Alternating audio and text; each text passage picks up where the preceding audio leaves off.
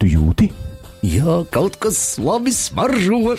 Cepts rauns, Sauc tīkls būtīs. bitkoinu, krembrulē. Pie galda, pie galda, pie galda! Šepavārs Ahtis jūs ielūdz! Digitālās brokastis! Mmm!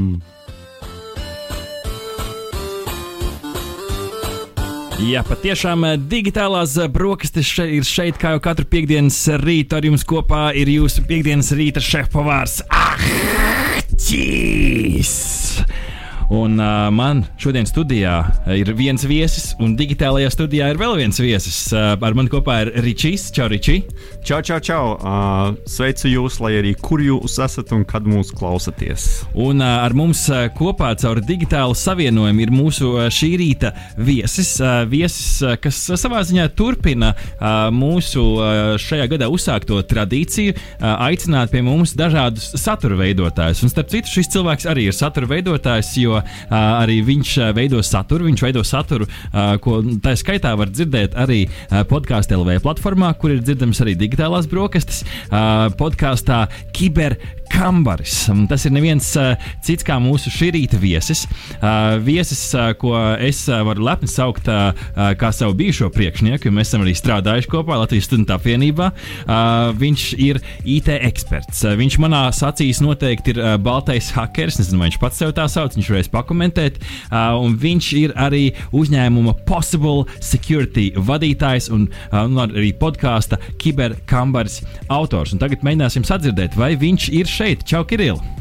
Čau, Arti, čau, Rikārd. Dzirdam tevi burvīgi. Kirillis Solovjovs ir mums studijā un būs kopā ar mums gan šajā pirmajā daļā, digitālajās brokastīs, kad skatīsim top 10 tehnoloģiju jaunumus, kā arī otrajā daļā, ja klausāties mūsu tiešraidē 95,8 FM, tad tas būs pēc no aptuveni 45 līdz 50 minūtēm. Ja klausāties mūsu ierakstā, tad vienkārši patinat uz priekšu kādu 40 minūtes, un tur sāksies arī otrā daļa šai sarunai, kur mēs runāsim gan par dažādiem interesantiem IT drošības jautājumiem, mēģināšu izvilkt kaut ko ārā no Kirilla par tiem hackeriem. Uh, viņš noteikti zina kaut ko vairāk par mani. Uh, parunāsim par visādām interesantām tēmām. Uh, bet uh, vai tu, Kirilla, esi gatavs iekosties nedaudz digitālajā?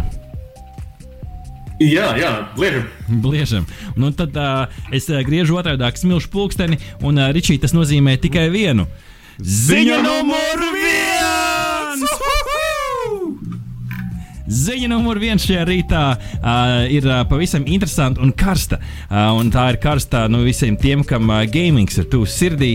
Uh, jo Sony ir radījis jaunas uh, paudzes uh, spēļu kontrolieris priekš uh, Playstation 5, kas iznākšot šī gada beigās, un to sauc DualSense. Uh, kontrolieris, kas ir, uh, nu, kā viņi paši sauc, lielākais dizaina lēciens no ierastā Playstation kontroliera izskata.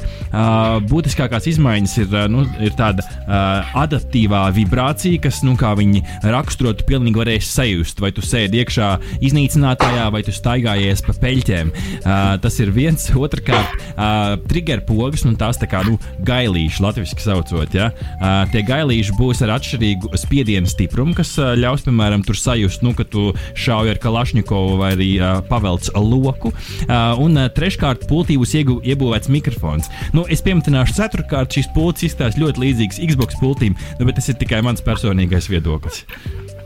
Jā, nu katrā ziņā man patīk, ka beigās uh, divi svarīgākie jautājumi ir, cik tās pults maksās un vai būs pieejams arī citas krāsa opcijas. Nu, šiem jautājumiem vēl atbildes nav. Uh, man ir jautājums Kirillam. Kiril, kādas ir tavas attiecības ar video spēlēm? Oh, man, ir, man ir ļoti epizodiski tā video spēļu lieta. Brīžiem ir daudz darba, brīžiem ir bijis šī mazāk darba, un tad es, tad es labprāt kaut ko, kaut ko paspēlēju. Vakar, ne, aizvakar, trešdien, piedalījos, piemēram, šāda turnīrā, Aha. ko, ko organizēja Latvijas Universitātes um, šaha, šaha klubs. Vai Paliku tieši pa vidu, gluži, gluži kā bija cerējis. Interesanti, vai šādi varētu spēlēt ar, uh, ar Playstation pulti. Uh, Oh, es domāju, ka varētu. Šādi Viņu var spēlēt. Ar jebko. Šādi var spēlēt pa pastu arī, protams, kā to klasiski dara. Sūtot, eh, sūtot gājienus vienkārši. tas ir tīks offline. Bet runājot par modernākām spēlēm, Nu, jāsaka, ka mans modernākais kontrolieris, un es, man ir kontrolieris, laikam, veseli divi, uh, ir, ir kaut kāds 15 gadus vecs. Un, un tas ir ideāls, ideāls kontrolieris. Man neko jaunu nevajag. Viņš nevibrē, bet viņš ir uh, pietiekami smags un pietiekami liels, lai es varu viņu savā rokā paņemt un, uh, un, un, un ērti darboties. Uh, gravis, uh, gravis eksterminēt, laikam, tas, ko es lietoju. Oho, bet, bet tev tās vibrācijas tad neuzrunāja tik ļoti. Nu, tā, ka tev, ka tev rokās tur sajust pilnīgi, vai tu staigā pa peļķi vai šāvi ar Kalašņikovu. Nē, nu tas, protams, ir forši. Es atceros, es atceros kad, es biju, kad es biju stipri, stipri jaunāks. Jā, ir tie, tie, tie mm, izklaides, izklaides vietās ir tie simulatori, kur ir iespējams ar automašīnu pabraukt, ir iespējams ar moci pabraukt. Un tur toreiz nu, nekas tur īsti nevibrēja. Bet tad, ja tu brauc ar īstu automašīnu, īstu moci, protams, protams, ir citādāk. Tā kā nu, priekš tiem cilvēkiem, kas, kas nevar atļauties vai šobrīd, kad ir jāsēž mājās un, un tik daudz ārā nevar pavadīt laiku, protams, ir forši, ka šie simulācijas rīki dažādi, kas simulē šo pieredzi. Nu, atbildot uz Ričija jautājumu par to cenu, nu, cena vēl nav nosaukta, bet nu, es teiktu, ka nu, mazāk par 50 eiro noteikti neceriet, ka šīs, ka šīs pultis maksās. Man, man šķiet, ka būs no 60, 70 eiro robežās par vienu pulti. Tā kā cerēsim, ka komplektā ar konsoli nāks divas pultis, jo tā ir pirmā problēma, ka tu nopērci jaunu konsoli, tur ir viena pults, un nu, tad čomam jāskatās, kā tu kapā. Jā, nu, tā vienkārši runājot. Galvenais, lai tas nav melns joks. nu, jā, tas gan. Labs ir. Tiešām, tiešām var te viena pults nāk konsoles mūzikas sākumā, sākumā nāk viena pults, un pēc tam tev ir jāpiepērk klāt vēl viena. Tas, tas taču ir noziegums, tā ir spīdzināšana.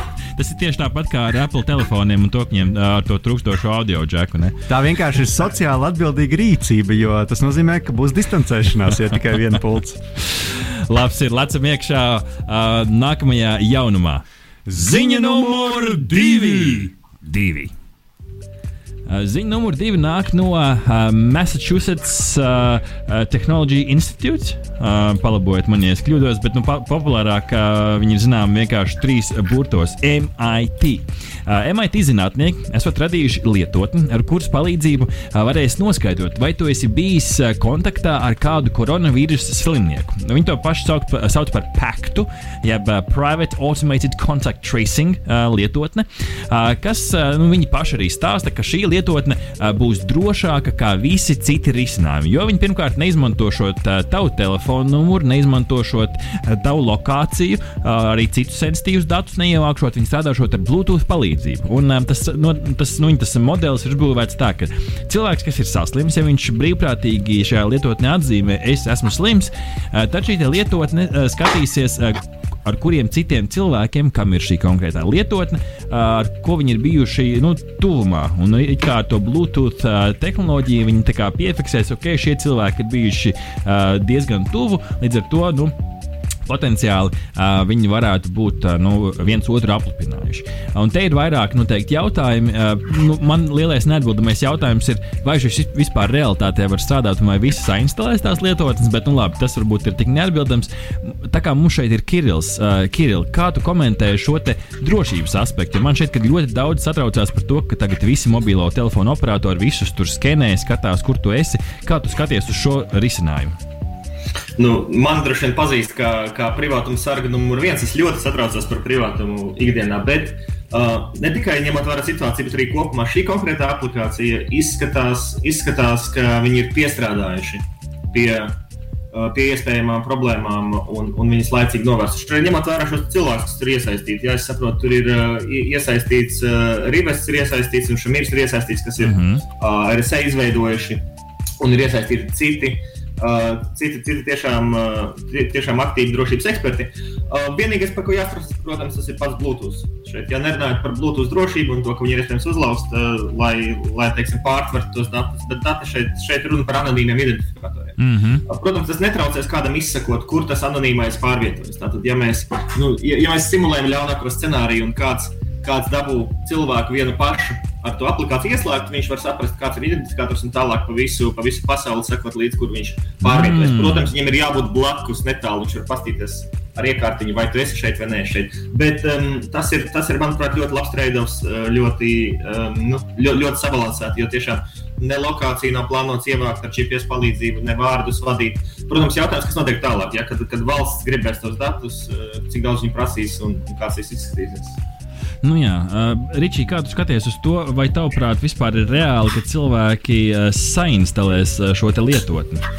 Un es domāju, ka tās uh, digitālās prasmes kopumā sabiedrībai vēl nav tik uh, augstas, lai visi sainstalētu un lai visiem vispār būtu iespēja to uh, sainstalēt. Kā tu saki, tad, nu, līdz ar to es teiktu, ka uh, nu, tādu pilnīgu, pilnīgu uh, iegūmu no tās uh, aplikācijas visticamāk mēs neiegūsim. Bet, nu, teiksim, Vismaz jauniešu vidū tas būtu iespējams. Nē, nu, varbūt to lietotni vienkārši varētu likt, nu, tā kā, nu, varbūt nākamajā ministra kabineta sēdē visi nobalsojam par, nu, visiem jāinstalē pekts. Un Androids visiem automātiski uzinstalē. Nu, jā, nu, tā ir vēl viena problēma. Viņi pagaidām laikam tikai uh, iOS. Um, faktu jānočeko, bet uh, nu, idejiski uh, tas varētu būt reāli, ka valsts uzliek visiem iedzīvotājiem, kam ir vietā ruņi, uzinstalēt uh, konkrētu lietotni, lai nu, kā, um, uh, palīdzētu sabiedrībai.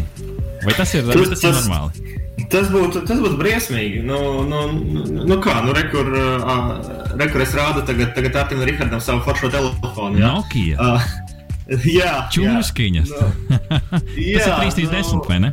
Tas ir 33330. 3,330. Uh, jā, jā, tā kā bija šī labāks internets viņam ir, bet uh, nekādu, nekādu šo smart aplikāciju nav. Uh, nu, Es domāju, ka tas, ir bijis šī, viņai jābūt šī. Es negribu, lai mēs tādā virzienā ejam kā valsts, bet sākotnēji valstī ir jāpasaka skaidri. Mēs gribam, lai visiem cilvēkiem ir mobilai telefoni. Tas ir obligāti. Jo, ja godīgi, nezinu, kas tagad notiek. Teiksim, būs tie reisi eh, no, no, no 15. aprīļa atkal repatriācijas reisi cilvēks atbrauc atpakaļ, viņam prasa kontaktu informāciju, viņš saka, ka man telefona nav. Un kas tālāk notiek? Mm -hmm. Jā, viņam tic, viņam netic. Sākumā ir, ir nu, come to terms, tā tad, tā tad jāpanāk, ka, ka vispār mēs atzīstam, ka telefons ir obligāts. Jā. Kamēr valsts nav atzīsta, es domāju, ka tādas obligātas aplikācijas nav, nav reāli. Nu, protams, pat, pat ideja, ka aplikācija ir obligāta, es negribētu to redzēt Eiropā un demokrātiskās valstīs. Nu jā, par politiku varbūt labāk tad nemaz nesāksim runāt, jo koronavīrus ietekmē visādas interesantas lietas. Notiek. Bet mums ir nākamā ziņa, vai ne? Lecam iekšā! Ziņa numur 3! Ziņa numur trīs ir uh, alternatīva. Alternatīva spēlē, ko cilvēki, uh, tā skaitā arī digitāli, bet uh, līdz šim spēlēja uh, klātienē. Un tā ir uh, Road Games. Road Games, kas ir uh, no draugiem uh, grupas uh, radīta uh, spēle uh, ar lietotni, uh, kur cilvēki līdz šim uh, devās uh, reālos braucienos, sasēdās mašīnās, uh, devās konkrētos maršrutos, tur bija dažādi veidi uzdevumi, uh, un tos varēja spēlēt dažādās Latvijas vietās. Beigās visi sabrauc kopā, ir uzvarētājs un visiem ir jautri. Nu, protams, redz, šobrīd mums ir jauni veidi izaicinājumi pasaulē, un, bet uzņēmums iet līdzi laikam, iet līdzi iespējām, kas mums ir, un viņi ir pārveidojuši šo road games spēli, piedāvājot šai spēlei digitālu risinājumu. Digitālu risinājumu, ar kuru varēs apskatīt gan Rīgas, gan Veronas ieliņas. Verona ir pilsēta, pilsēta Itālijā, nepamatot nemaz savu dzīvesvietu, jo šī spēle pārceļās uz Google Street View vidi, kurā varēs meklēt objektus. Tur būs dažādi atjautības un, un intelektuāli uzdevumi. Un beig beigās cilvēki sežot savās, savās mājās kopā ar draugiem, saslēdzoties komandās, varēs šo spēli spēlēt. Vai šis ir labs, no aizņemšos tagad Kirillu izmantoto terminu trade-offs? Kā jūs skatāties uz to? Nu, um, Es, es ceļoju daudz, nu, tagad, tagad man dzīve ir pilnībā mainījusies, bet, bet, bet iepriekš, teiksim, pagājušā gada beigās es pavadīju, pavadīju apmēram pusi no visām, visām dienām dažādās valstīs, braucot, braucot uz komandiem, konferencēm un tā tālāk. Uh, un es novērtēju iespēju arī nodarboties ar to, ko es saucu par integrētiem atvaļinājumiem. Jeb es esmu tur darba, darba darīšanās, bet es paņemu vienu vai divas dienas klāt par savu naudu un nu, apskatu to pilsētu. Protams, ka sajūta ir pavisam cita. Un, nu, teiksim, skatoties tagad Rodgers mājaslapu, nu, mani, mani personīgi neuzrunā, ka es tagad instalētu aplikāciju un ietu, un, un ietu tādā veidā apskatīt, piemēram, Itāliju vai vai, vai, vai kaut ko tādu. Man pat, man patīk um, tas jaunais termins, ko ievies integrētais atvaļinājums. Darbie klausītāji, lūdzu, iemācāmies šo. Šis ir burvīgs termins. Un, un, un saviem grāmatažiem piedāvājam katru reizi, tad, kad dodaties kaut kur komandējumā. jā, jā, integrētais atvaļinājums. Uh, es, es totāli rekomendēju. Man aizgāja, man aizgāja, nu, pirms diviem gadiem apmēram sapratu, ka tā ir lieta. Jo, ja padomā, tev ir komandējums, piemēram, uz Indiju vai uz Kanādu, un, nu, nu kāpēc tev braukt pēc tam vēlreiz? Tu vienkārši ieplāno uzreiz laiku tajā lietai. Ideāli. Bet atgriežoties pie Rodgēmas, uh, nu, uh, principā ir, ir arī labā ziņa visam tam, kas tur notiek. Vai ne, piemēram, uzņēmējiem ir iespēja sevi parādīt? Nu, es par tādu Rodgēmas nebiju dzirdējis, es pats vēl nebiju dzirdējis.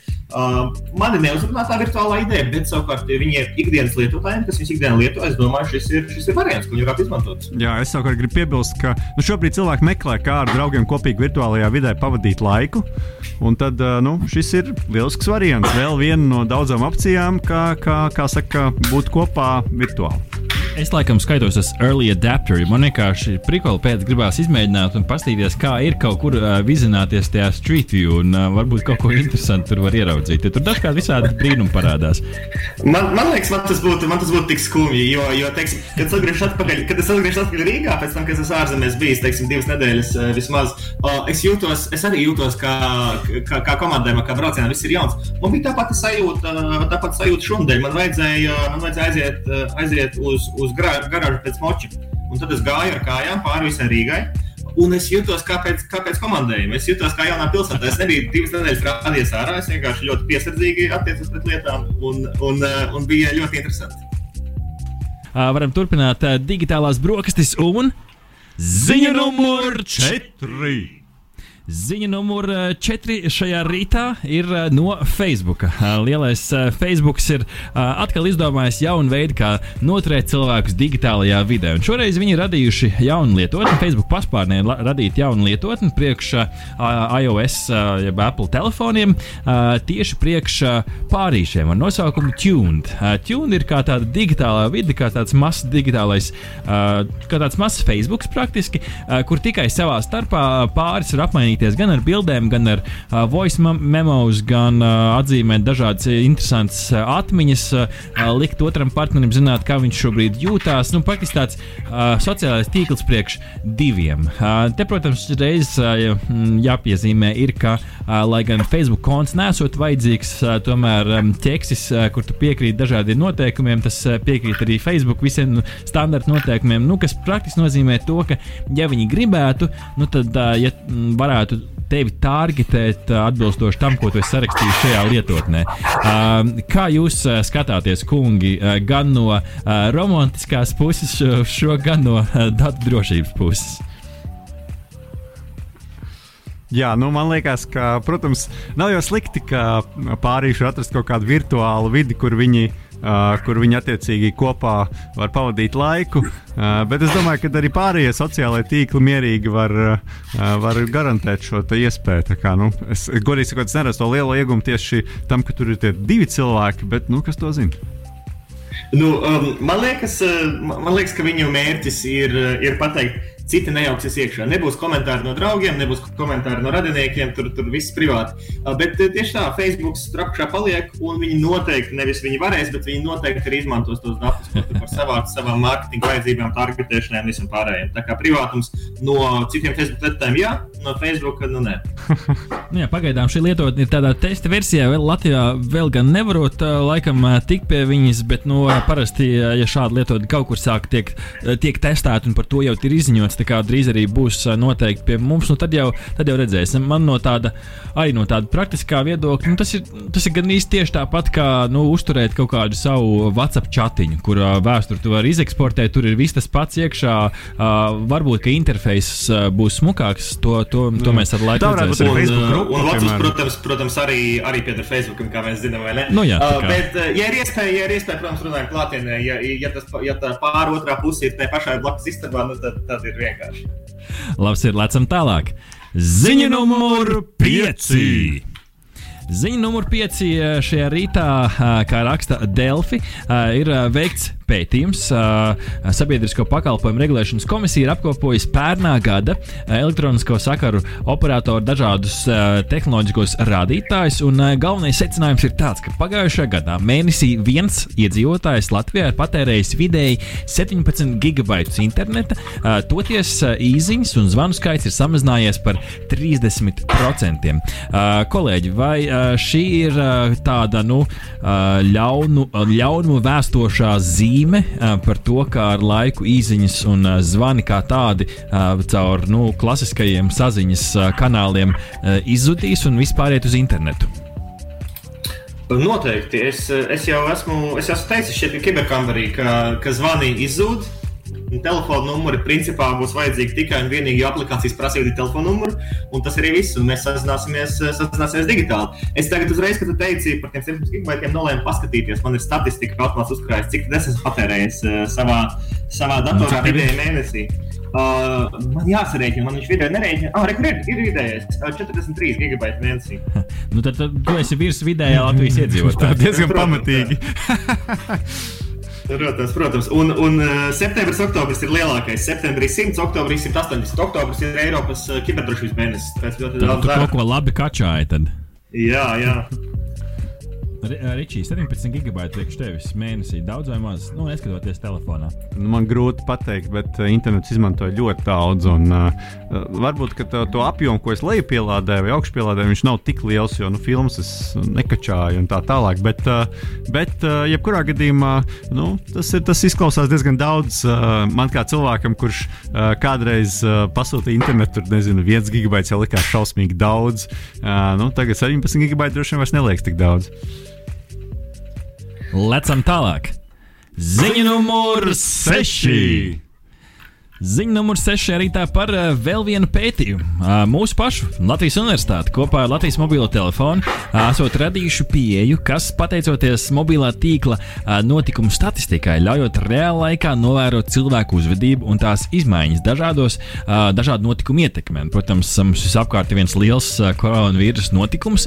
Līdz ar to pirmie rezultāti esot parādījuši, ka uh, valdības lēmums par ārkārtas situācijas izsludināšanu ir būtiski mainījis Latvijas iedzīvotāju uzvedību un uh, ziņā lielākā, uh, lielākā daļa cilvēku valstī uh, godprātīgi ievērojot šos notikumus, paliekot mājās. Uh, dati apliecinot, ka cilvēku aktivitāte no pilsēta, uh, pilsētu un darba centriem strauji pārvē, pārvietojusies uz dzīvojamiem rajoniem un arī uz ārpus uh, pilsētām. Un šeit mēs beidzot atkal tā kārtīgi pieskaramies tam jautājumam, ko es iezīmēju laikam vienā no pirmajām ziņām. Mūsu izseko. Vai, vai, vai man vajadzētu šobrīd uh, justies paranoiskam? Uh, kā, jū, kā, jūs, kā, kā jūs šo skatāties? Rihards, ko tu saki? Es saku, ka nu, kamēr, kamēr jau droši vien tie dati tādā apkopotā veidā, uh, nav, nav jau slikti saprast, kādas ir, kādas ir lielās tendences. Bet, protams, fakts, ka, ka šādā veidā operators uh, var nodot informāciju kādam citam, lai arī apkopotā veidā, tomēr, tomēr rada jautājumus. Tas skaidrs. Kiril, vai, vai cilvēki var izsekot ar šādu pieeju? Vai mūsu Latvijas universitāte var izsekot, kur mēs esam ar LMT kopā? Ar LMT kopā droši vien, ka jā. Uh, šī nav pirmā reize, kad uh, LU un LMT, LU tieši šī BVF fakultāte kopā ar LMT taisa līdzīgu pētījumu ar mobiliem datiem. Šis, laikam, ir otrais pētījums. Un, uh, nu, tas, ir, tas ir noderīgi, protams, īpaši šajā situācijā. Um, jāsatraucās ir, uh, ir, ir par LMT, nevis par LU. Es domāju, ka LMT ļoti strikti ievēro visu, kas jāievēro, un LU nesaņēma nemaz tos datus tādā detalizācijā, lai varētu kaut ko izsekot. Kas jāpatur prātā, ir tas, ka, ja manam telefonam šim vai šim vai tam uh, noņems nost numuru vai manu vārdu un, un skatīsies, kur viņš pārvietojas, tik un tā ir iespējams viņu tiesiet atpakaļ man. Uh, bet, ja mēs runājam par lieliem datiem, par vienkāršu grupu neizdalām, tad, protams, viss ir kārtībā. Jā, tur LMT šobrīd ar, ar LU man liekas, konstanti sadarbojas. Tas pētījums ir viņiem nebeidzams. Tur varam viņiem pasūtīt to pētījumu, par, par, lai varētu reģionālu reformu veikt. Tad tiešām tur visu laiku tie, tā, tā, katru reizi viņi nāk ar kaut kādu jaunu iterāciju laukā. Tā kā interesanti, man liekas, ka ir forši, ka universitāte arī uh, atrod šādas iespējas uh, nu, piedalīties šādos pētījumos un atrod partnerus uh, industrijā. Tā kā nu, virziens jau patiesībā ir pareizais, kā vajadzētu uh, universitātē strādāt. Labs ir, lecam tālāk. Ziņa numur septiņi. Ziņa numur septiņi ā, no Google Maps. Ā, Kā ziņo kursors LV, tad ā, Google Maps ir pievienota uzlabot iespēju katram pašam ērti atrast kartē ā, šī restorānus, kuri piedāvā vai nu ēdienu saņemt uz vietas restorānā līdziņemšanai, vai arī saņemt uz mājām. Un šī te, feature ir arī pieejama mums visiem Latvijā. Atrot vaļā Google Maps lietotni un skatoties karti, tur ir dažādi šie te, nu, saucamo lokāciju vietu filtri, uh, un viens no tiem ir arī takeout. Uh, angliski, sauc, angliski runājot, uh, latviešu tā būtu uh, līdzņemšana, uh, piegāde, uh, varbūt arī. Uh, un uh, šī feature ir arī pieejama šajā lietotnē, un līdz ar to mēs varam redzēt, nu, tad, kuri restorāni šobrīd uh, ir vaļā, ko tur var pasūtīt. Nu, nezinu par to datu kvalitāti, vai tur visi vienmēr update to, vai viņš šobrīd strādā vai nē. Uh, to vajadzētu pārbaudīt. Uh, bet uh, skatoties uz, uz šo jautājumu tā plašāk, uh, ēdiena uh, pasūtīšana internetā, uh, paši ar to nodarbojaties vai joprojām izmantojat veco labo K2 risinājumu? Es esmu atteicies no iešanas ārpus mājas, tiešām, cik tas ir iespējams. Un līdz ar to aktīvi izmantoju dažādu dienu pasūtīšanu. Jo nu, es nevaru bez restorāna ēdienu. Reizes nedēļā, ja es nedēļu nodzīvoju bez, man vienkārši sākas, sākas panika un man vajag, man vajag ēdienu. Uh, bet, nu, baigi labi jau nav tā pasūtīšana. Ir, ir labi gadījumi, es esmu pasūtījis. Tagad es, es tev tikko sāku, nevis iepriekš darījis. Šī mēneša laikā esmu septiņas reizes pasūtījis, uh, pasūtījis ēdienu ar piegādi. Uh, piecas reizes no septiņām viņi neatrada uz pareizo adresi. Ir jāčakarējās, lai dabūtu, kur tas ēdiens ir. Un, uh, ja nemaldos, četras reizes no septiņām uh, nebija, nebija kaut kas ielikts iekšā, kaut kas pietrūka vai bija nepareizā lieta. Uh, nu, tā kā tā kvalitāte nu, varētu būt labāka. Es gribētu, man patīk privīm servis, es gribētu, gribētu ka es varu bišķīt samaksāt vairāk, lai, lai tomēr labāku kvalitāti dabūtu tai piegādē tieši. Ričī, kā ar tevi? Nu, es pats neesmu aktīvs uh, ēdienu pasūtītājs uh, uz mājām. Es, uh, kā saka, vēl distancējoties, aizēju uz veikalu, sapērku labi daudz un tad uh, nedēļu dzīvoju. Bet, um, um, nu, jā, jāsaka tā, ka šobrīd tie servisi ir pārslogoti. Un, uh, nu, jāatzīst, jau pirms tam ik pa laikam parādījās kādas sūdzības par kvalitāti, bet tās varbūt bija tādas retākas. Tad šobrīd, kad tas pasūtījuma apjoms ir uh, nu, tik ļoti pieaudzis, uh, nu, diemžēl jāsaka, var arī saprast, ka, kāpēc, uh, kāpēc tā kvalitāte ir kritusies. Jā. Es katrā ziņā priecājos par to, ka vismaz kaut kādā sfērā aug pieprasījums pēc darba vietām. Darba vietas, kas varbūt pat, nu, nu labi, es negribu aizvainot nevienu kurjeru, bet nu, mīties var jebkurš vesels cilvēks, kuram ir nu, kaut cik strādājuši divricis un kas spēj vismaz telefonā atrast uh, vietu kartē. Nu, labi, tad ir jautājums par uh, Kirila gadījumu, vai spēja atrast vai nespēja atrast. Uh, bet vismaz, vismaz jaunas darba vietas, vismaz uh, uh, svaigā gaisā cilvēki braukā apkārt. Uh, un uh, es savā ziņā es gribu izcelt vēl vienu interesantu faktoru. Es negribu pārāk līst iekšā politikā un, un tādās lietās, bet uh, šo, uh, vienmēr kurjeri, nu nevienmēr, bet man bieži gadījies, ka kurjeri ir uh, ārvalstu pilsoņi, visticamāk, kas uh, nu, uh, lat, latviešu valoda nav viņa pirmā valoda, bet man gribās uzteikt visus tos kurjerus, uh, kuri vismaz ir iemācījušies tik daudz šīs frāzes, uh, lai viņi priecīgi tev katru reizi pateikt labu apetīti latviešu valodā, uh, pasakot, lai labi garšo, un tas kaut kādā ziņā man tomēr to pieredzi uh, uzlabo un tādā ziņā forši, ka, ka ir darbs cilvēkiem. Ziņa numur astoņi! Ziņa numur 8 ir eh, par biznesiem, eh, kas eh, pārveidojās šajā koronavīrusa laikā. Metāla apstrādes uzņēmums Vēnspīlī ir sācis ražot jaunus durvju rokturus. Varbūt tā gluži ne tik ļoti digitāla ziņa, bet nu, tehnoloģija šākā tā. Malmar Sheet Metal ir beļģu metāla apstrādes uzņēmums, kas strādā Vēnspils brīvos industriālajā teritorijā, un viņi nu, šajā te savā ziņā dīkstāves laikā ir radījuši jaunu veidu rokturi. Rokturis, kas gan nu, pēc attēls spriežot, ir ar savilcējiem šobrīd piestiprināms uz esošiem rokturiem, bet toties ļauj ar elkoni, nevis ar plaukstu, atvērt vaļā durvis. Un varot uz šī roktura uzdrukāt virsū arī logotipu. Nu, tāds interesants tehnoloģisks risinājums. Es nezinu, kungu, vai jums sanāca apskatīties to bildi labsoflatvija.com rakstā abi mājām ar galvām. Kā izskatās, vai šis atrisina koronavīrus problēmas visiem laikiem? Pirms pāris nedēļām es biju viens no organizatoriem hackathonam, kur mēs, kur mēs Latvijā meklējām risinājumus, kā lai, kā lai atrisināt visu šo covid krīzi un kā lai labāk tiek viņa galā hackforce. Un uh, tur bija viens, viens projekts, kurš netika, netika finālā. Uh, un šis atgādina nedaudz, nedaudz to projektu. Ja? Tur bija šķiltavas ar skrūvgriezi, ar skoču pielikt klāt. Uh, tas bija tas, tas projekts, ja tu ar to skrūvgriezi attaisno vaļā durvis un tad ar šķiltām dezinficē viņu. Ja? Uh, nu šeit arī tāds pu pustaisīts produkts. Ja priekš startup varbūt jā, bet priekš kārtīgi uzņēmumu nu, ar, ar, ar plasmasu šādi savilcēji piestiprināts. Es nezinu, ja godīgi, es gaidīju, ka būs kaut kāds materiāls īpašs, teiksim, ar iestrādātiem zietēm, kas to vīrusu mēģina tur, tur sadalīt. eh, Bet nu, šis ir jā, interesants. Starp citu, nesen, nu, kādu pusgadu atpakaļ, mēs šeit digitālajā brokastī ziņojām par svīstošiem robotiem, ā, par materiālu, kas vienā brīdī, līdzīgi kā cilvēka āda, spēja perspirēt ārā šķidrumu. Tas gan nebija metāls, tas bija tāds diezgan tāds gumijots materiāls, kas arī tur no ķīmiskā reakcijas laikā tur tās poras attaisās. Varbūt tādu vajag to roku, Ričī, ne? nu, man grūti pateikt, es neesmu ne ķīmiķis, ne, ne fiziķis. Bet uh, nu, jā, tas, kas man nedaudz uzjautrināja, tiešām ir tas, ka ar tiem parastiem plasmas savilcējiem tas uh, rokturu pagarinājums ir piemontēts klāt. Nu, uh, jā, katrā ziņā es jau teiktu, galvenais, lai pilda funkciju. Un, un tad jau tā augsti zinātniskā pievienotā vērtība var arī nebūt. Uh, bet jautājums, vai cilvēki būs gatavi ar savilcēju vilkt klāt to visu padarīšanu, lai tas viss strādātu. Nu, es, es jums teikšu, kungi, nekas neatstāja veco labo kāju. Un ar to mēs lecam iekšā nākamajā ziņā. Ziņa numur 9. Ziņa numur 9 diezgan nu, mistiska no vienas puses. Gribās teikt, cīnā.com par šo raksta ASV. Es viņu iztulkoju kā Advancētās aizsardzības izpētes projekta aģentūra, aģentūra jeb no angliskais akronīms DARPA. Ir paziņojums, paziņojis, ka tā strādā pie aklimatizācijas rīka. Nu, lai samazinātu šo te nu, saucamo, um, palīdz man, Rihards, latviešu, kā angļu sauc par jetlag, latviešu Latvijasiski to sauc par ceļojumu pohu. nu, varbūt mēs tā varam latviskot.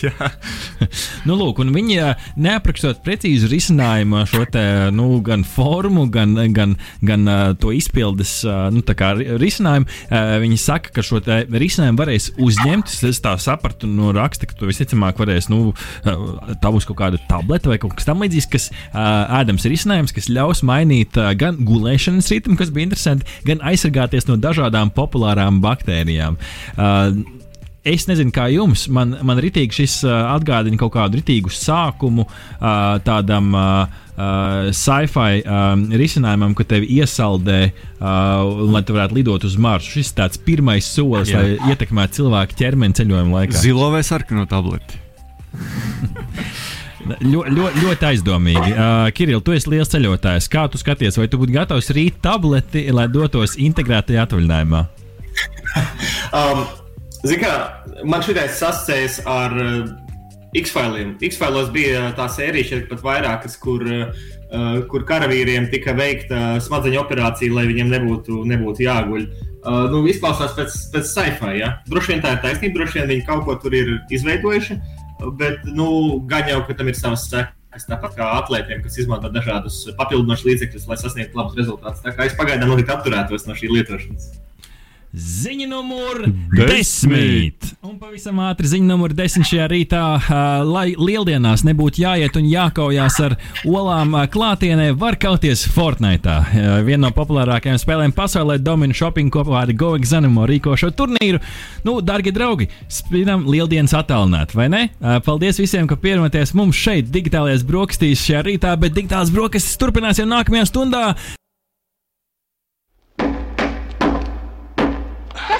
Rīta viesis, laba rīta viesis. Jā, Naba rīta viesis mums ir pievienojies studijā. Viņš ir atpakaļ, viņš ir šeit. Tas ir neviens cits kā. Uh, to ir, te ir tik garš tas tituls, ka te labāk ir dabūt precīzi. Uh, viņš pirmkārt ir uzņēmuma Possible Security vadītājs. Uh, viņš ir podkāsta kiberkambars uh, veidotājs un autors. Uh, viņš ir IT drošības eksperts un viņš ir arī baltais hackers. Tas ir neviens cits kā Kirills Solovjovs. Kirill, laipni lūdzu atpakaļ! Čau, čau! Uh, visi dzirdam, visi ir forši.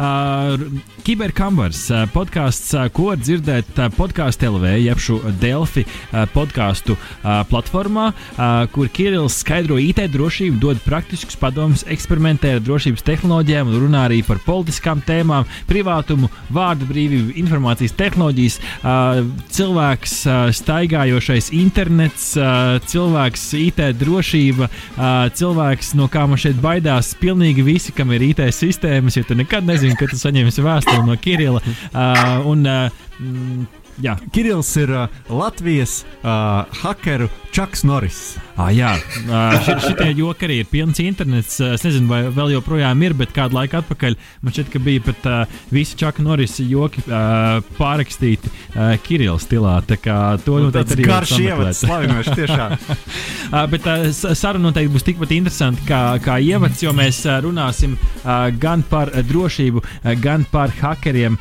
uh, gan par, arī par, arī par pašu podkāstu. Uh, un tad uh, nedaudz tāds uh, iesildošais uh, jautājums, Kirill. Kā tu šobrīd vērtē Latvijas vispār sabiedrības attieksmi pret IT drošības jautājumiem, uh, un uh, uh, kāds ir tas vispār sabiedrības apziņotības līmenis? Jo, manuprāt, nu, šobrīd, kad visi strādā no mājām, par šo par tiešām ir jāpadomā. Mēs kā sabiedrība esam daudz, daudz auguši. Nu, protams, no tā brīža, kad Latvija pievērsās vispār IT drošības jautājumiem 2009. gadā, ir pagājuši vairāk kā, vairāk kā desmit gadi, un, un ir daudz kas darīts. Pamatā šeit es runāju protams, par, par valsts iestādēm un privāto sektoru. Jāsaka, ka kādu laiku pat uh, valsts iestādes bija kārtīgi iedzinušas privāto sektoru un uztvēra to visu lietu nopietnāk. Um, nu, bet uh, individi, fiziskās personas, uh, tur, tur vēl ir daudz darba darāms. Un uh, CERTLV arī kā daļa, daļa no valsts iestādēm, šo atbild, dara lielu darbu, lai izglītotu cilvēkus, lai mācītu, lai stāstītu. Tāpat arī komersanti, piemēram, es uh, stāstu cilvēkiem. Tā skatā, kiberkampers arī ir viena no metodēm, kā celt sabiedrības izglītības līmeni, runājot par drošības jautājumiem, panākt, ka cilvēki par to padomā un ikdienā tomēr ir nedaudz uzmanīgāki. Nu, tā, protams, ir tikai uh, nu, viena nianses tajā lielajā visā drošības arhitektūrā uh, parole. Bet vai vispār ir tāda uh, droša parole un neuzlaužama parole, uh, ko mēs varam izdomāt? Jā, jā, mēs varam. Man ir programmiņa, kuras esmu uzrakstījis eh, ne speciāli šim raidījumam, bet speciāli sev, lai viņš man uztaisītu paroles. Es viņu paplaidīšu, un viņš man piedāvās līdzās drošu paroli. Tātad lasu, kas ir droša parole. 5, mazais S, lielais Q, lielais P, mazais W, mazais D, 5, uh, mazais J, mazais W, mazais Z, mazais H, lielais Q. šī, ir, šī bija droša parole, kamēr es viņu nenosaucu. Jā, ja jūs paroli esat nosaukuši radio eterā, tā vairs nav droša parole. Uh, bet, uh, jā, šī, protams, ir droša parole, bet ikdienā Uh, ikdienā šī nav laba parole, ko lietot. Uh, šī ir parole, kuru lietot, ja jums ir paroļu pārvaldnieki, jums ir kāda rīka, kā drošā veidā atcerēties, likt datoram atcerēties paroli jūsu vietā. Uh, Pierakstīts lapiņas arī nav labākais variants. Ir, ir tur dažādi, dažādi rīki, piemēram, kīpēs, uh, kur viņas var pierakstīt. Vai, ja jūsu dators ir šifrēts, tad droši var pierakstīt arī, piemēram, Firefox vai Chromium šajā iebūvētajā paroļu pārvaldniekā. Bet, ja jums vajag paroli, ko jūs varat paši atcerēties, tad tas arī ir ļoti, ļoti vienkārši. Un viena lieta, kas ir jāņem vērā, ir mūsdienās datori nebaidās no atstarpēm parolēs, un arī jums nav jābaidās no atstarpēm parolēs. Parolei ir jābūt teikumam ar atstarpēm, normāls teikums, bet, protams, unikāls. Jūs nevarat paņemt, uh, paņemt kaut kādu rakstu pirmo teikumu, piemēram, tas stāv vaļā raksts, par ko mēs runājām ar jums pirms pusstundas. Ja?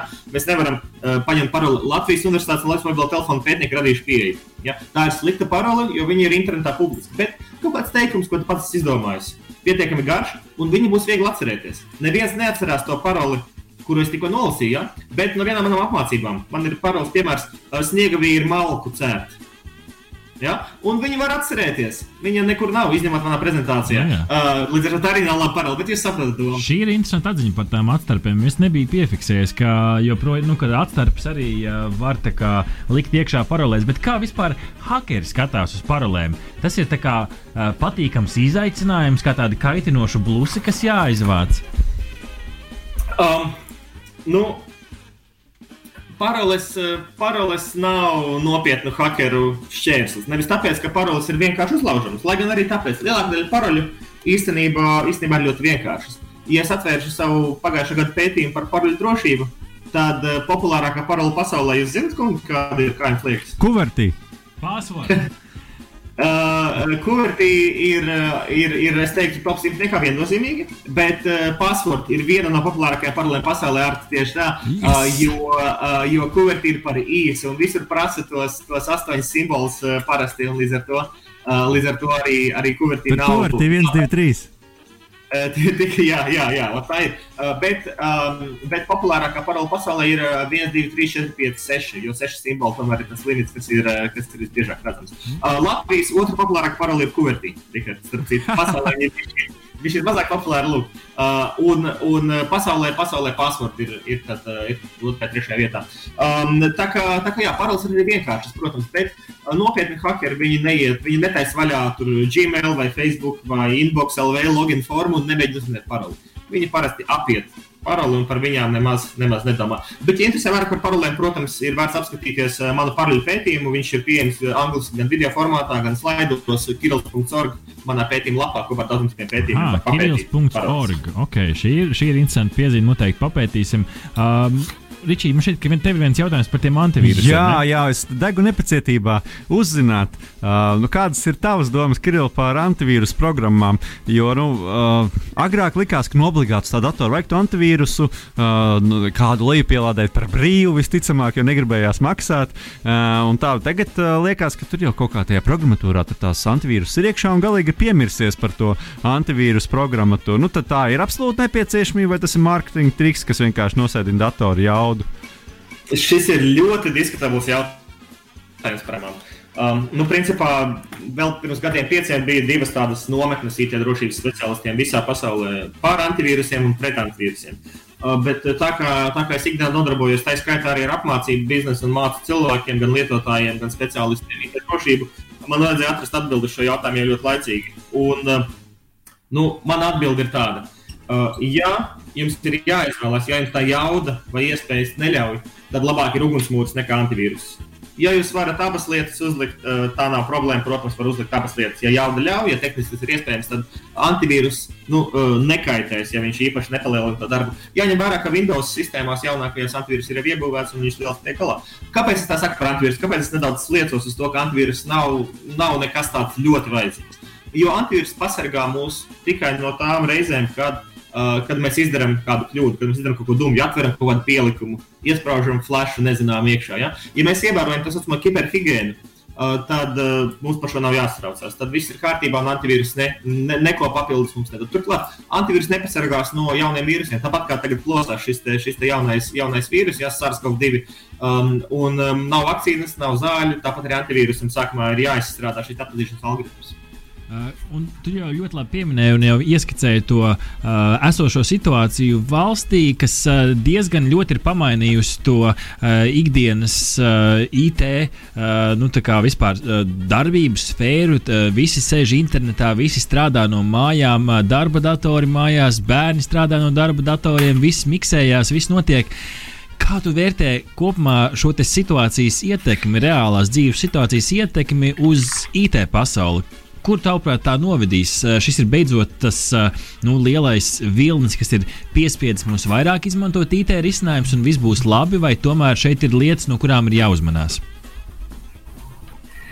Mm, es saprotu, pareizi. Tu jautā, tu jautā par to, kā, kā tagad. Eh, kā, kā notiek dzīve, dzīve jā, šiem noziedzniekiem IT pasaulē un kā notiek parastiem cilvēkiem sakarā ar to, ka cilvēks strādā attālināti? Jā, jā, tieši tā. Jā. Um, man, man, man patīk. Eh, man, man patīk, zini, kāpēc man patīk? Uh, man, eh, es, es esmu priecīgs, ka, ka, kad, ka teiksim, uh, varētu mazināties šo, te, šo te, uh, dzīvokļu apzakšanas gadījumu skaits, jā, uh, ka varētu mazināties šādu tipu noziegumu skaits. Protams, vasarnēs ir cits stāsts. Apzog ofisus toties. Jā, jā, un ne? Bet, nu, nu, tomēr office ir office, tas ir biznesa, tas ir apdrošināts, jā, dzīvoklī, ja ielaužas, tas ir, tas ir uzreiz viss citādāk. Uh, un, un līdz ar to cilvēki ir mazāk arī ārpus, līdz ar to te, šie te visi um, vardarbīgie noziegumi, nu, samazinās. Jā, bet ļoti aktīvi. Vēl pirms samazinājās šie vardarbīgie noziegumi klātienē. Uh, jau, jau Eiropola ziņoja par to, ka palielinās aktīvi palielinās kibernoziedzība, noziedzība digitālajā vidē.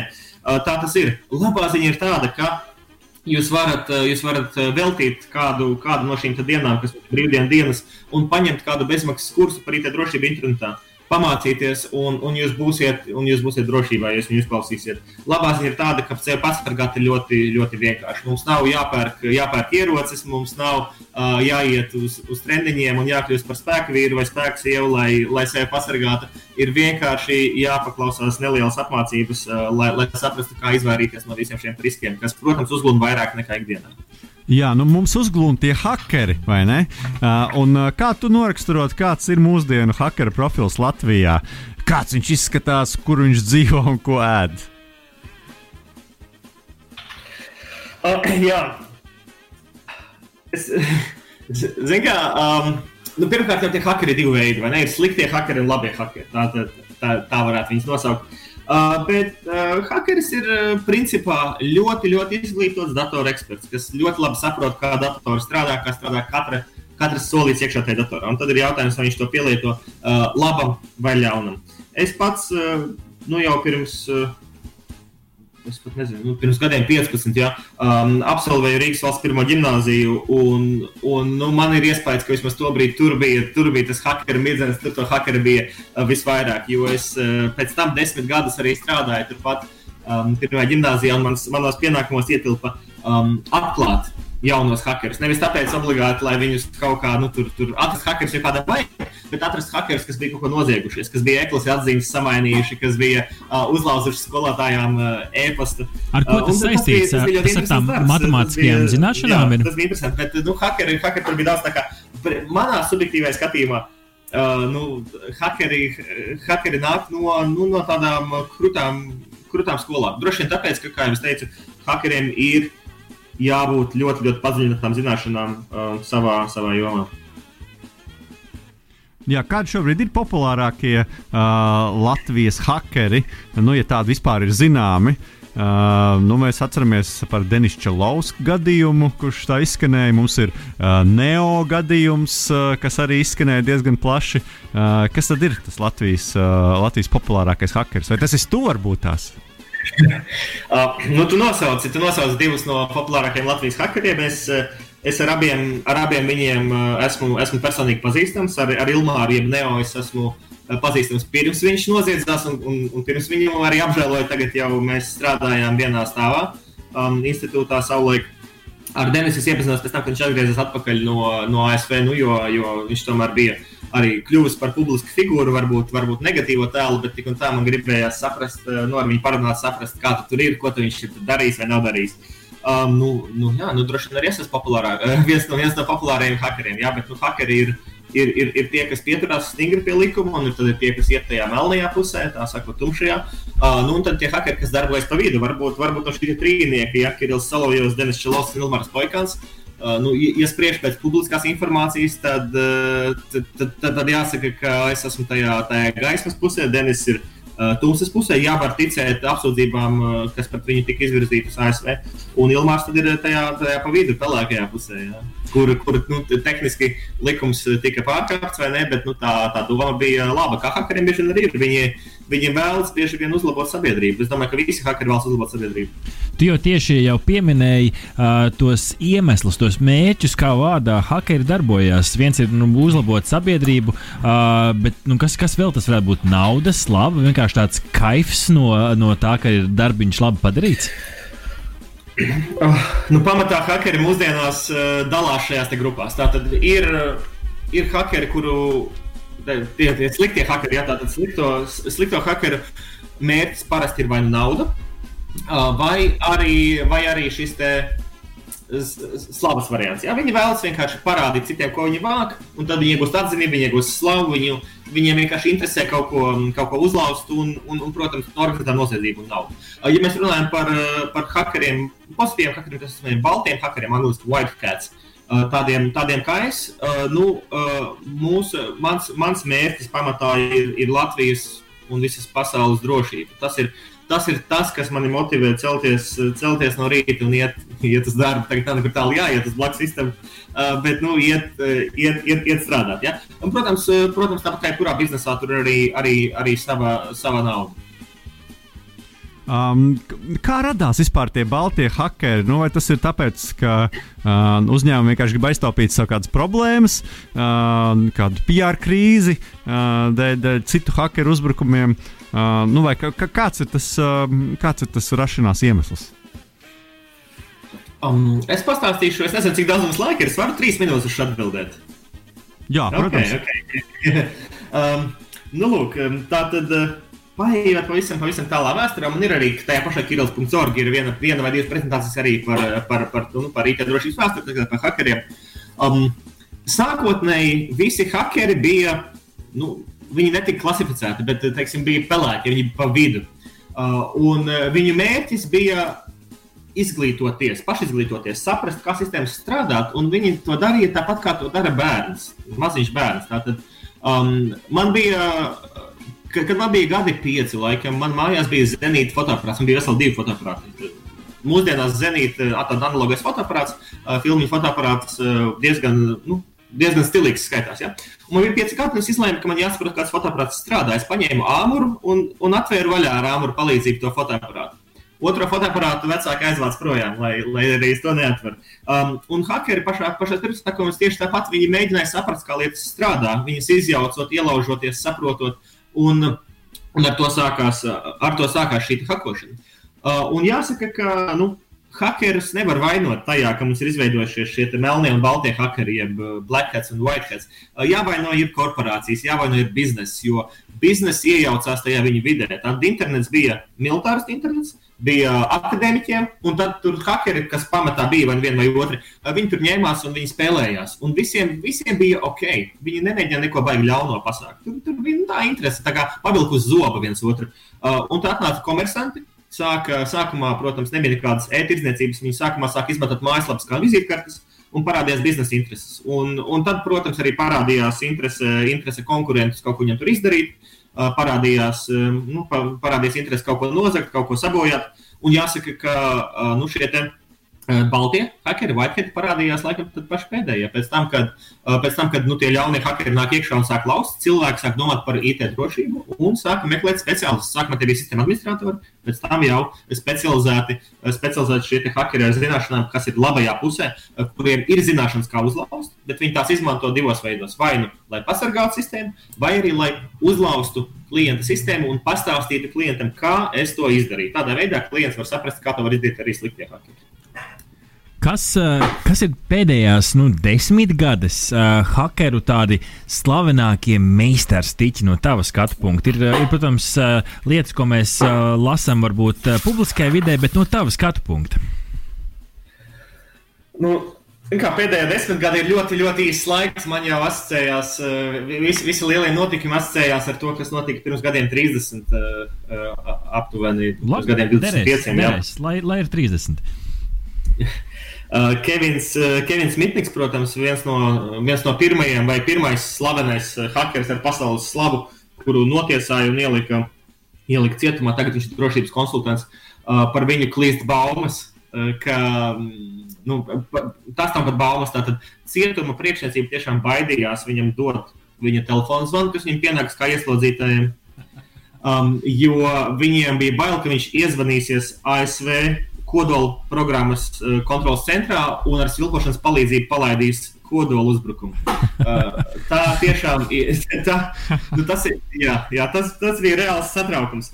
Uh, bet slavenākie meistardarbi, nu, teikt, tajā pēdējā desmitgadē, es, es teiktu, jau, jau pieminētais Ilmārs Poikāns, jeb Neo, tas tepat Latvijā, ļoti, ļoti slavens meistardarbs, ļoti triviāls uzbrukums. Ja? Īstenībā. Uh, es, es jums iemācīšu, kā to darīt. Ne, lūdzu, neiet, neiet laust, uh, laust tagad uh, elektroniskā atbildēšanas sistēmu vai kādu citu sistēmu, bet, piemēram, Delphi LV. Ja? Delphi LV, ja jūs iekļūstat adreses laukā un paskatāties, tur ir tas, uh, tie cipariņi galā. Mm -hmm. uh, tas, kā tur ID vienāds ar kaut ko. Un, uh, ja to ID nomaina uz kaut kādu citu ID, tad vai nekas neatvērsies, vai atvērsies cits raksts. Un līdzīgi tajā brīdī, pirms 11 gadiem, bija vidi EDSA. Tātad Ilmārs vienkārši šo ciparu mainīja, un viņam vērās vaļā savi dokumenti, pēc tam sveši dokumenti, pēc tam valsts dokumenti. Ļoti triviāls uzbrukums. Uh, bet uh, hakeru uh, meistardarbus vai meistarstiķus um, vērtē pamatā pēc viņu sociālās ietekmes. Tātad, nu, jo hakeri tieši, tieši tur ir radušies, tad viņu mērķis parasti ir kaut kā, kaut kā panākt pozitīvas pārmaiņas. Un, uh, nu, es personīgi novērtēju, ka tā pozitīvā pārmaiņa ir, ir, ir pietiekami liela pēc Ilmāra izdarībām. Uh, un, uh, bet Lielākie skaļākie gadījumi ir datu zādzības pēdējā desmitgadē. Uh, tie, protams, ir šie ļaunie hakeri, melnie hakeri, blackheads, kas, uh, kas vienkārši zog, kredītkaršu datus, zog Facebook datus uh, un tālāk, tālāk publicē un tirgo. Skaidrs, ka es kaut kādā veidā, kaut kādā veidā man varētu simpatizēt tas, ka viņi cīnās pret lielām korporācijām, kas neievēro cilvēku privātumu. Bet nu, tā metode izvēlēta ir galīgi nepareiza, jo, protams, ka cieši arī lietotāji tiek nozagti lietotāju dati, tiek publicēti un, un viņi tiek tālāk apdraudēti un pakļauti tālākiem kiberuzbrukumiem. Es domāju, ka daudziem klausītājiem šo visu klausoties, liekas, interesanti, kur varētu uzzināt vēl kaut ko, kur, kur tad Kirillis stāsta par šīm lietām. Un tad uh, podkāstā vai platformā ir atrodama rubrika uh, podkāsts Kiberkamberis. Pagaidām tajā ir tikai divas sērijas, bet gan jau, ka būs vēl. Uh, nu, kā pats nonāca līdz, uh, līdz podkāstam? Um, līdz podkāstam ceļš ilga, man tagad jāpaskatās. Uh, Tur nav datumi. Uh, man aiz muguras, uh, man aiz muguras ir uh, durvis, un uz durvīm man ir mani dzīves, dzīves mērķi. Un, um, es to mērķi uzstādīju. Man šķiet, ka kaut kādā, kaut kādā 17. gadā mērķis gan bija bijis cits. Tātad es, uh, es nonācu līdz tam, ka Latvijā ir vajadzīgs raidījums par IT, ne tikai par IT, bet par IT drošību. Jo tā niša bija tukša, un mums nebija neviena raidījuma par, par, par IT. Savukārt man, eh, man pazīstami draugi, vairāki rekordi, divi, divi no viņiem sēž eh, ekrāna otrā pusē šobrīd. Uh, viņiem, uh, viņi, viņi ir pieredzējuši tajā jomā, un viņiem ir bijuši, ir bijuši un ir gan dažādi radio raidījumi, televīzijas raidījumi un, un citādi. Un tad es uzrunāju, uzrunāju vienu televīziju um, ar šo, te, šo te ideju. Uh, arī sataisīju tēmas uz priekšu, nu, tā, lai, jo, jo viens no riskiem, protams, bet vai būs ko stāstīt pēc gada. Ja? Um, un sataisīja tēmas, un viņiem, viņiem tas patika. Bet, bet, bet, bet problēma bija tā, ka um, īstenībā raidījumu producēšana prasa ļoti daudz darba. Tur ir jāfilmē, tur ir jāmontē, tur ir jāsagatavo scenārijs. Un es esmu aizņemts cilvēks, man tam visam laikam nebija. Līdz ar to es nevarēju atsaukties viņu piedāvājumam vai pieprasījumam, uh, ka man ir jāsagatavo nu, pilotu sērija pašam. Tāpēc es paliku karājoties gaisā. Bet uh, tad kaut kā tā sanāca, ka mani, ka mani viens draugs uzaicināja uz, uz garāku video interviju, un tā rezultātā es iepazinos ar ar, ar uzņēmumu Riddle Digital um, īpašnieku, kurš, kurš arī šobrīd ir, ir šī raidījuma kiberkameras producents, un mēs ar viņu kopā. Kopā to lietu taisām un publicējam gan YouTube video formātā, gan arī Delphi LV šajās uh, podkāstu formātā. Jāsaka, ka tiešām publicēs tikai divas sērijas.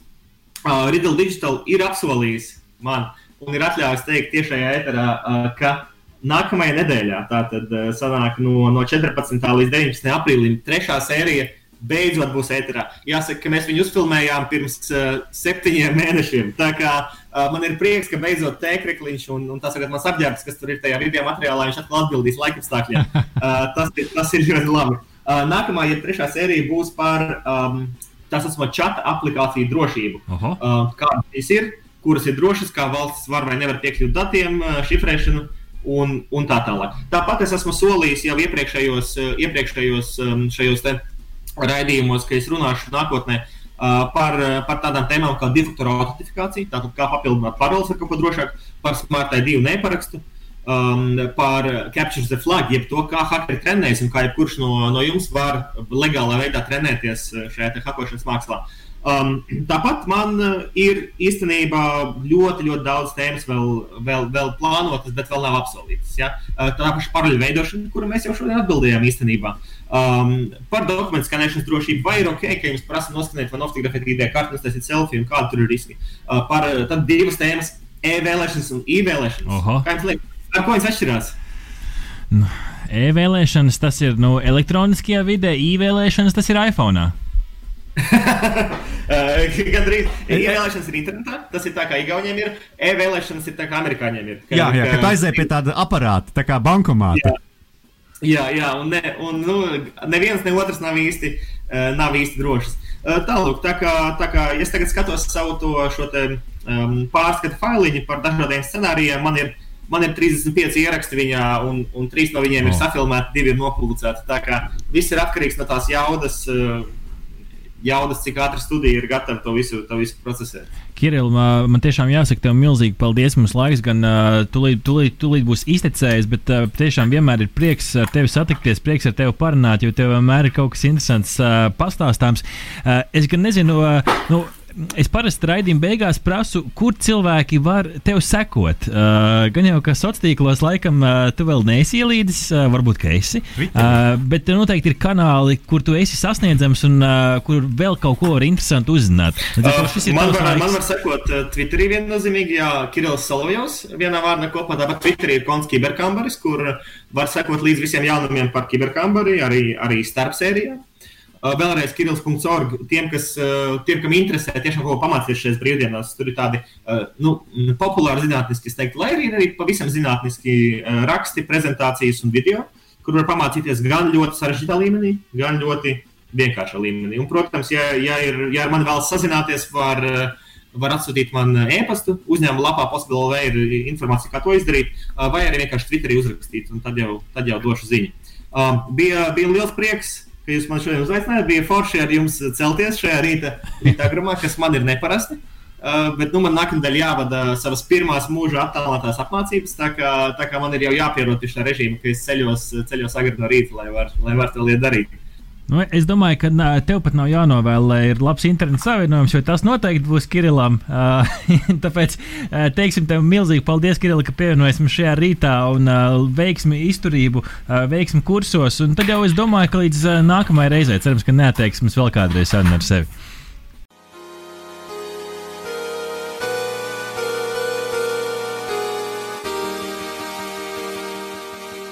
Bērni, kas jāsaka, kad pēduši digitālās brokastis? Trīs, četri.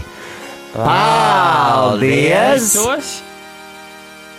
Veseli ēduši!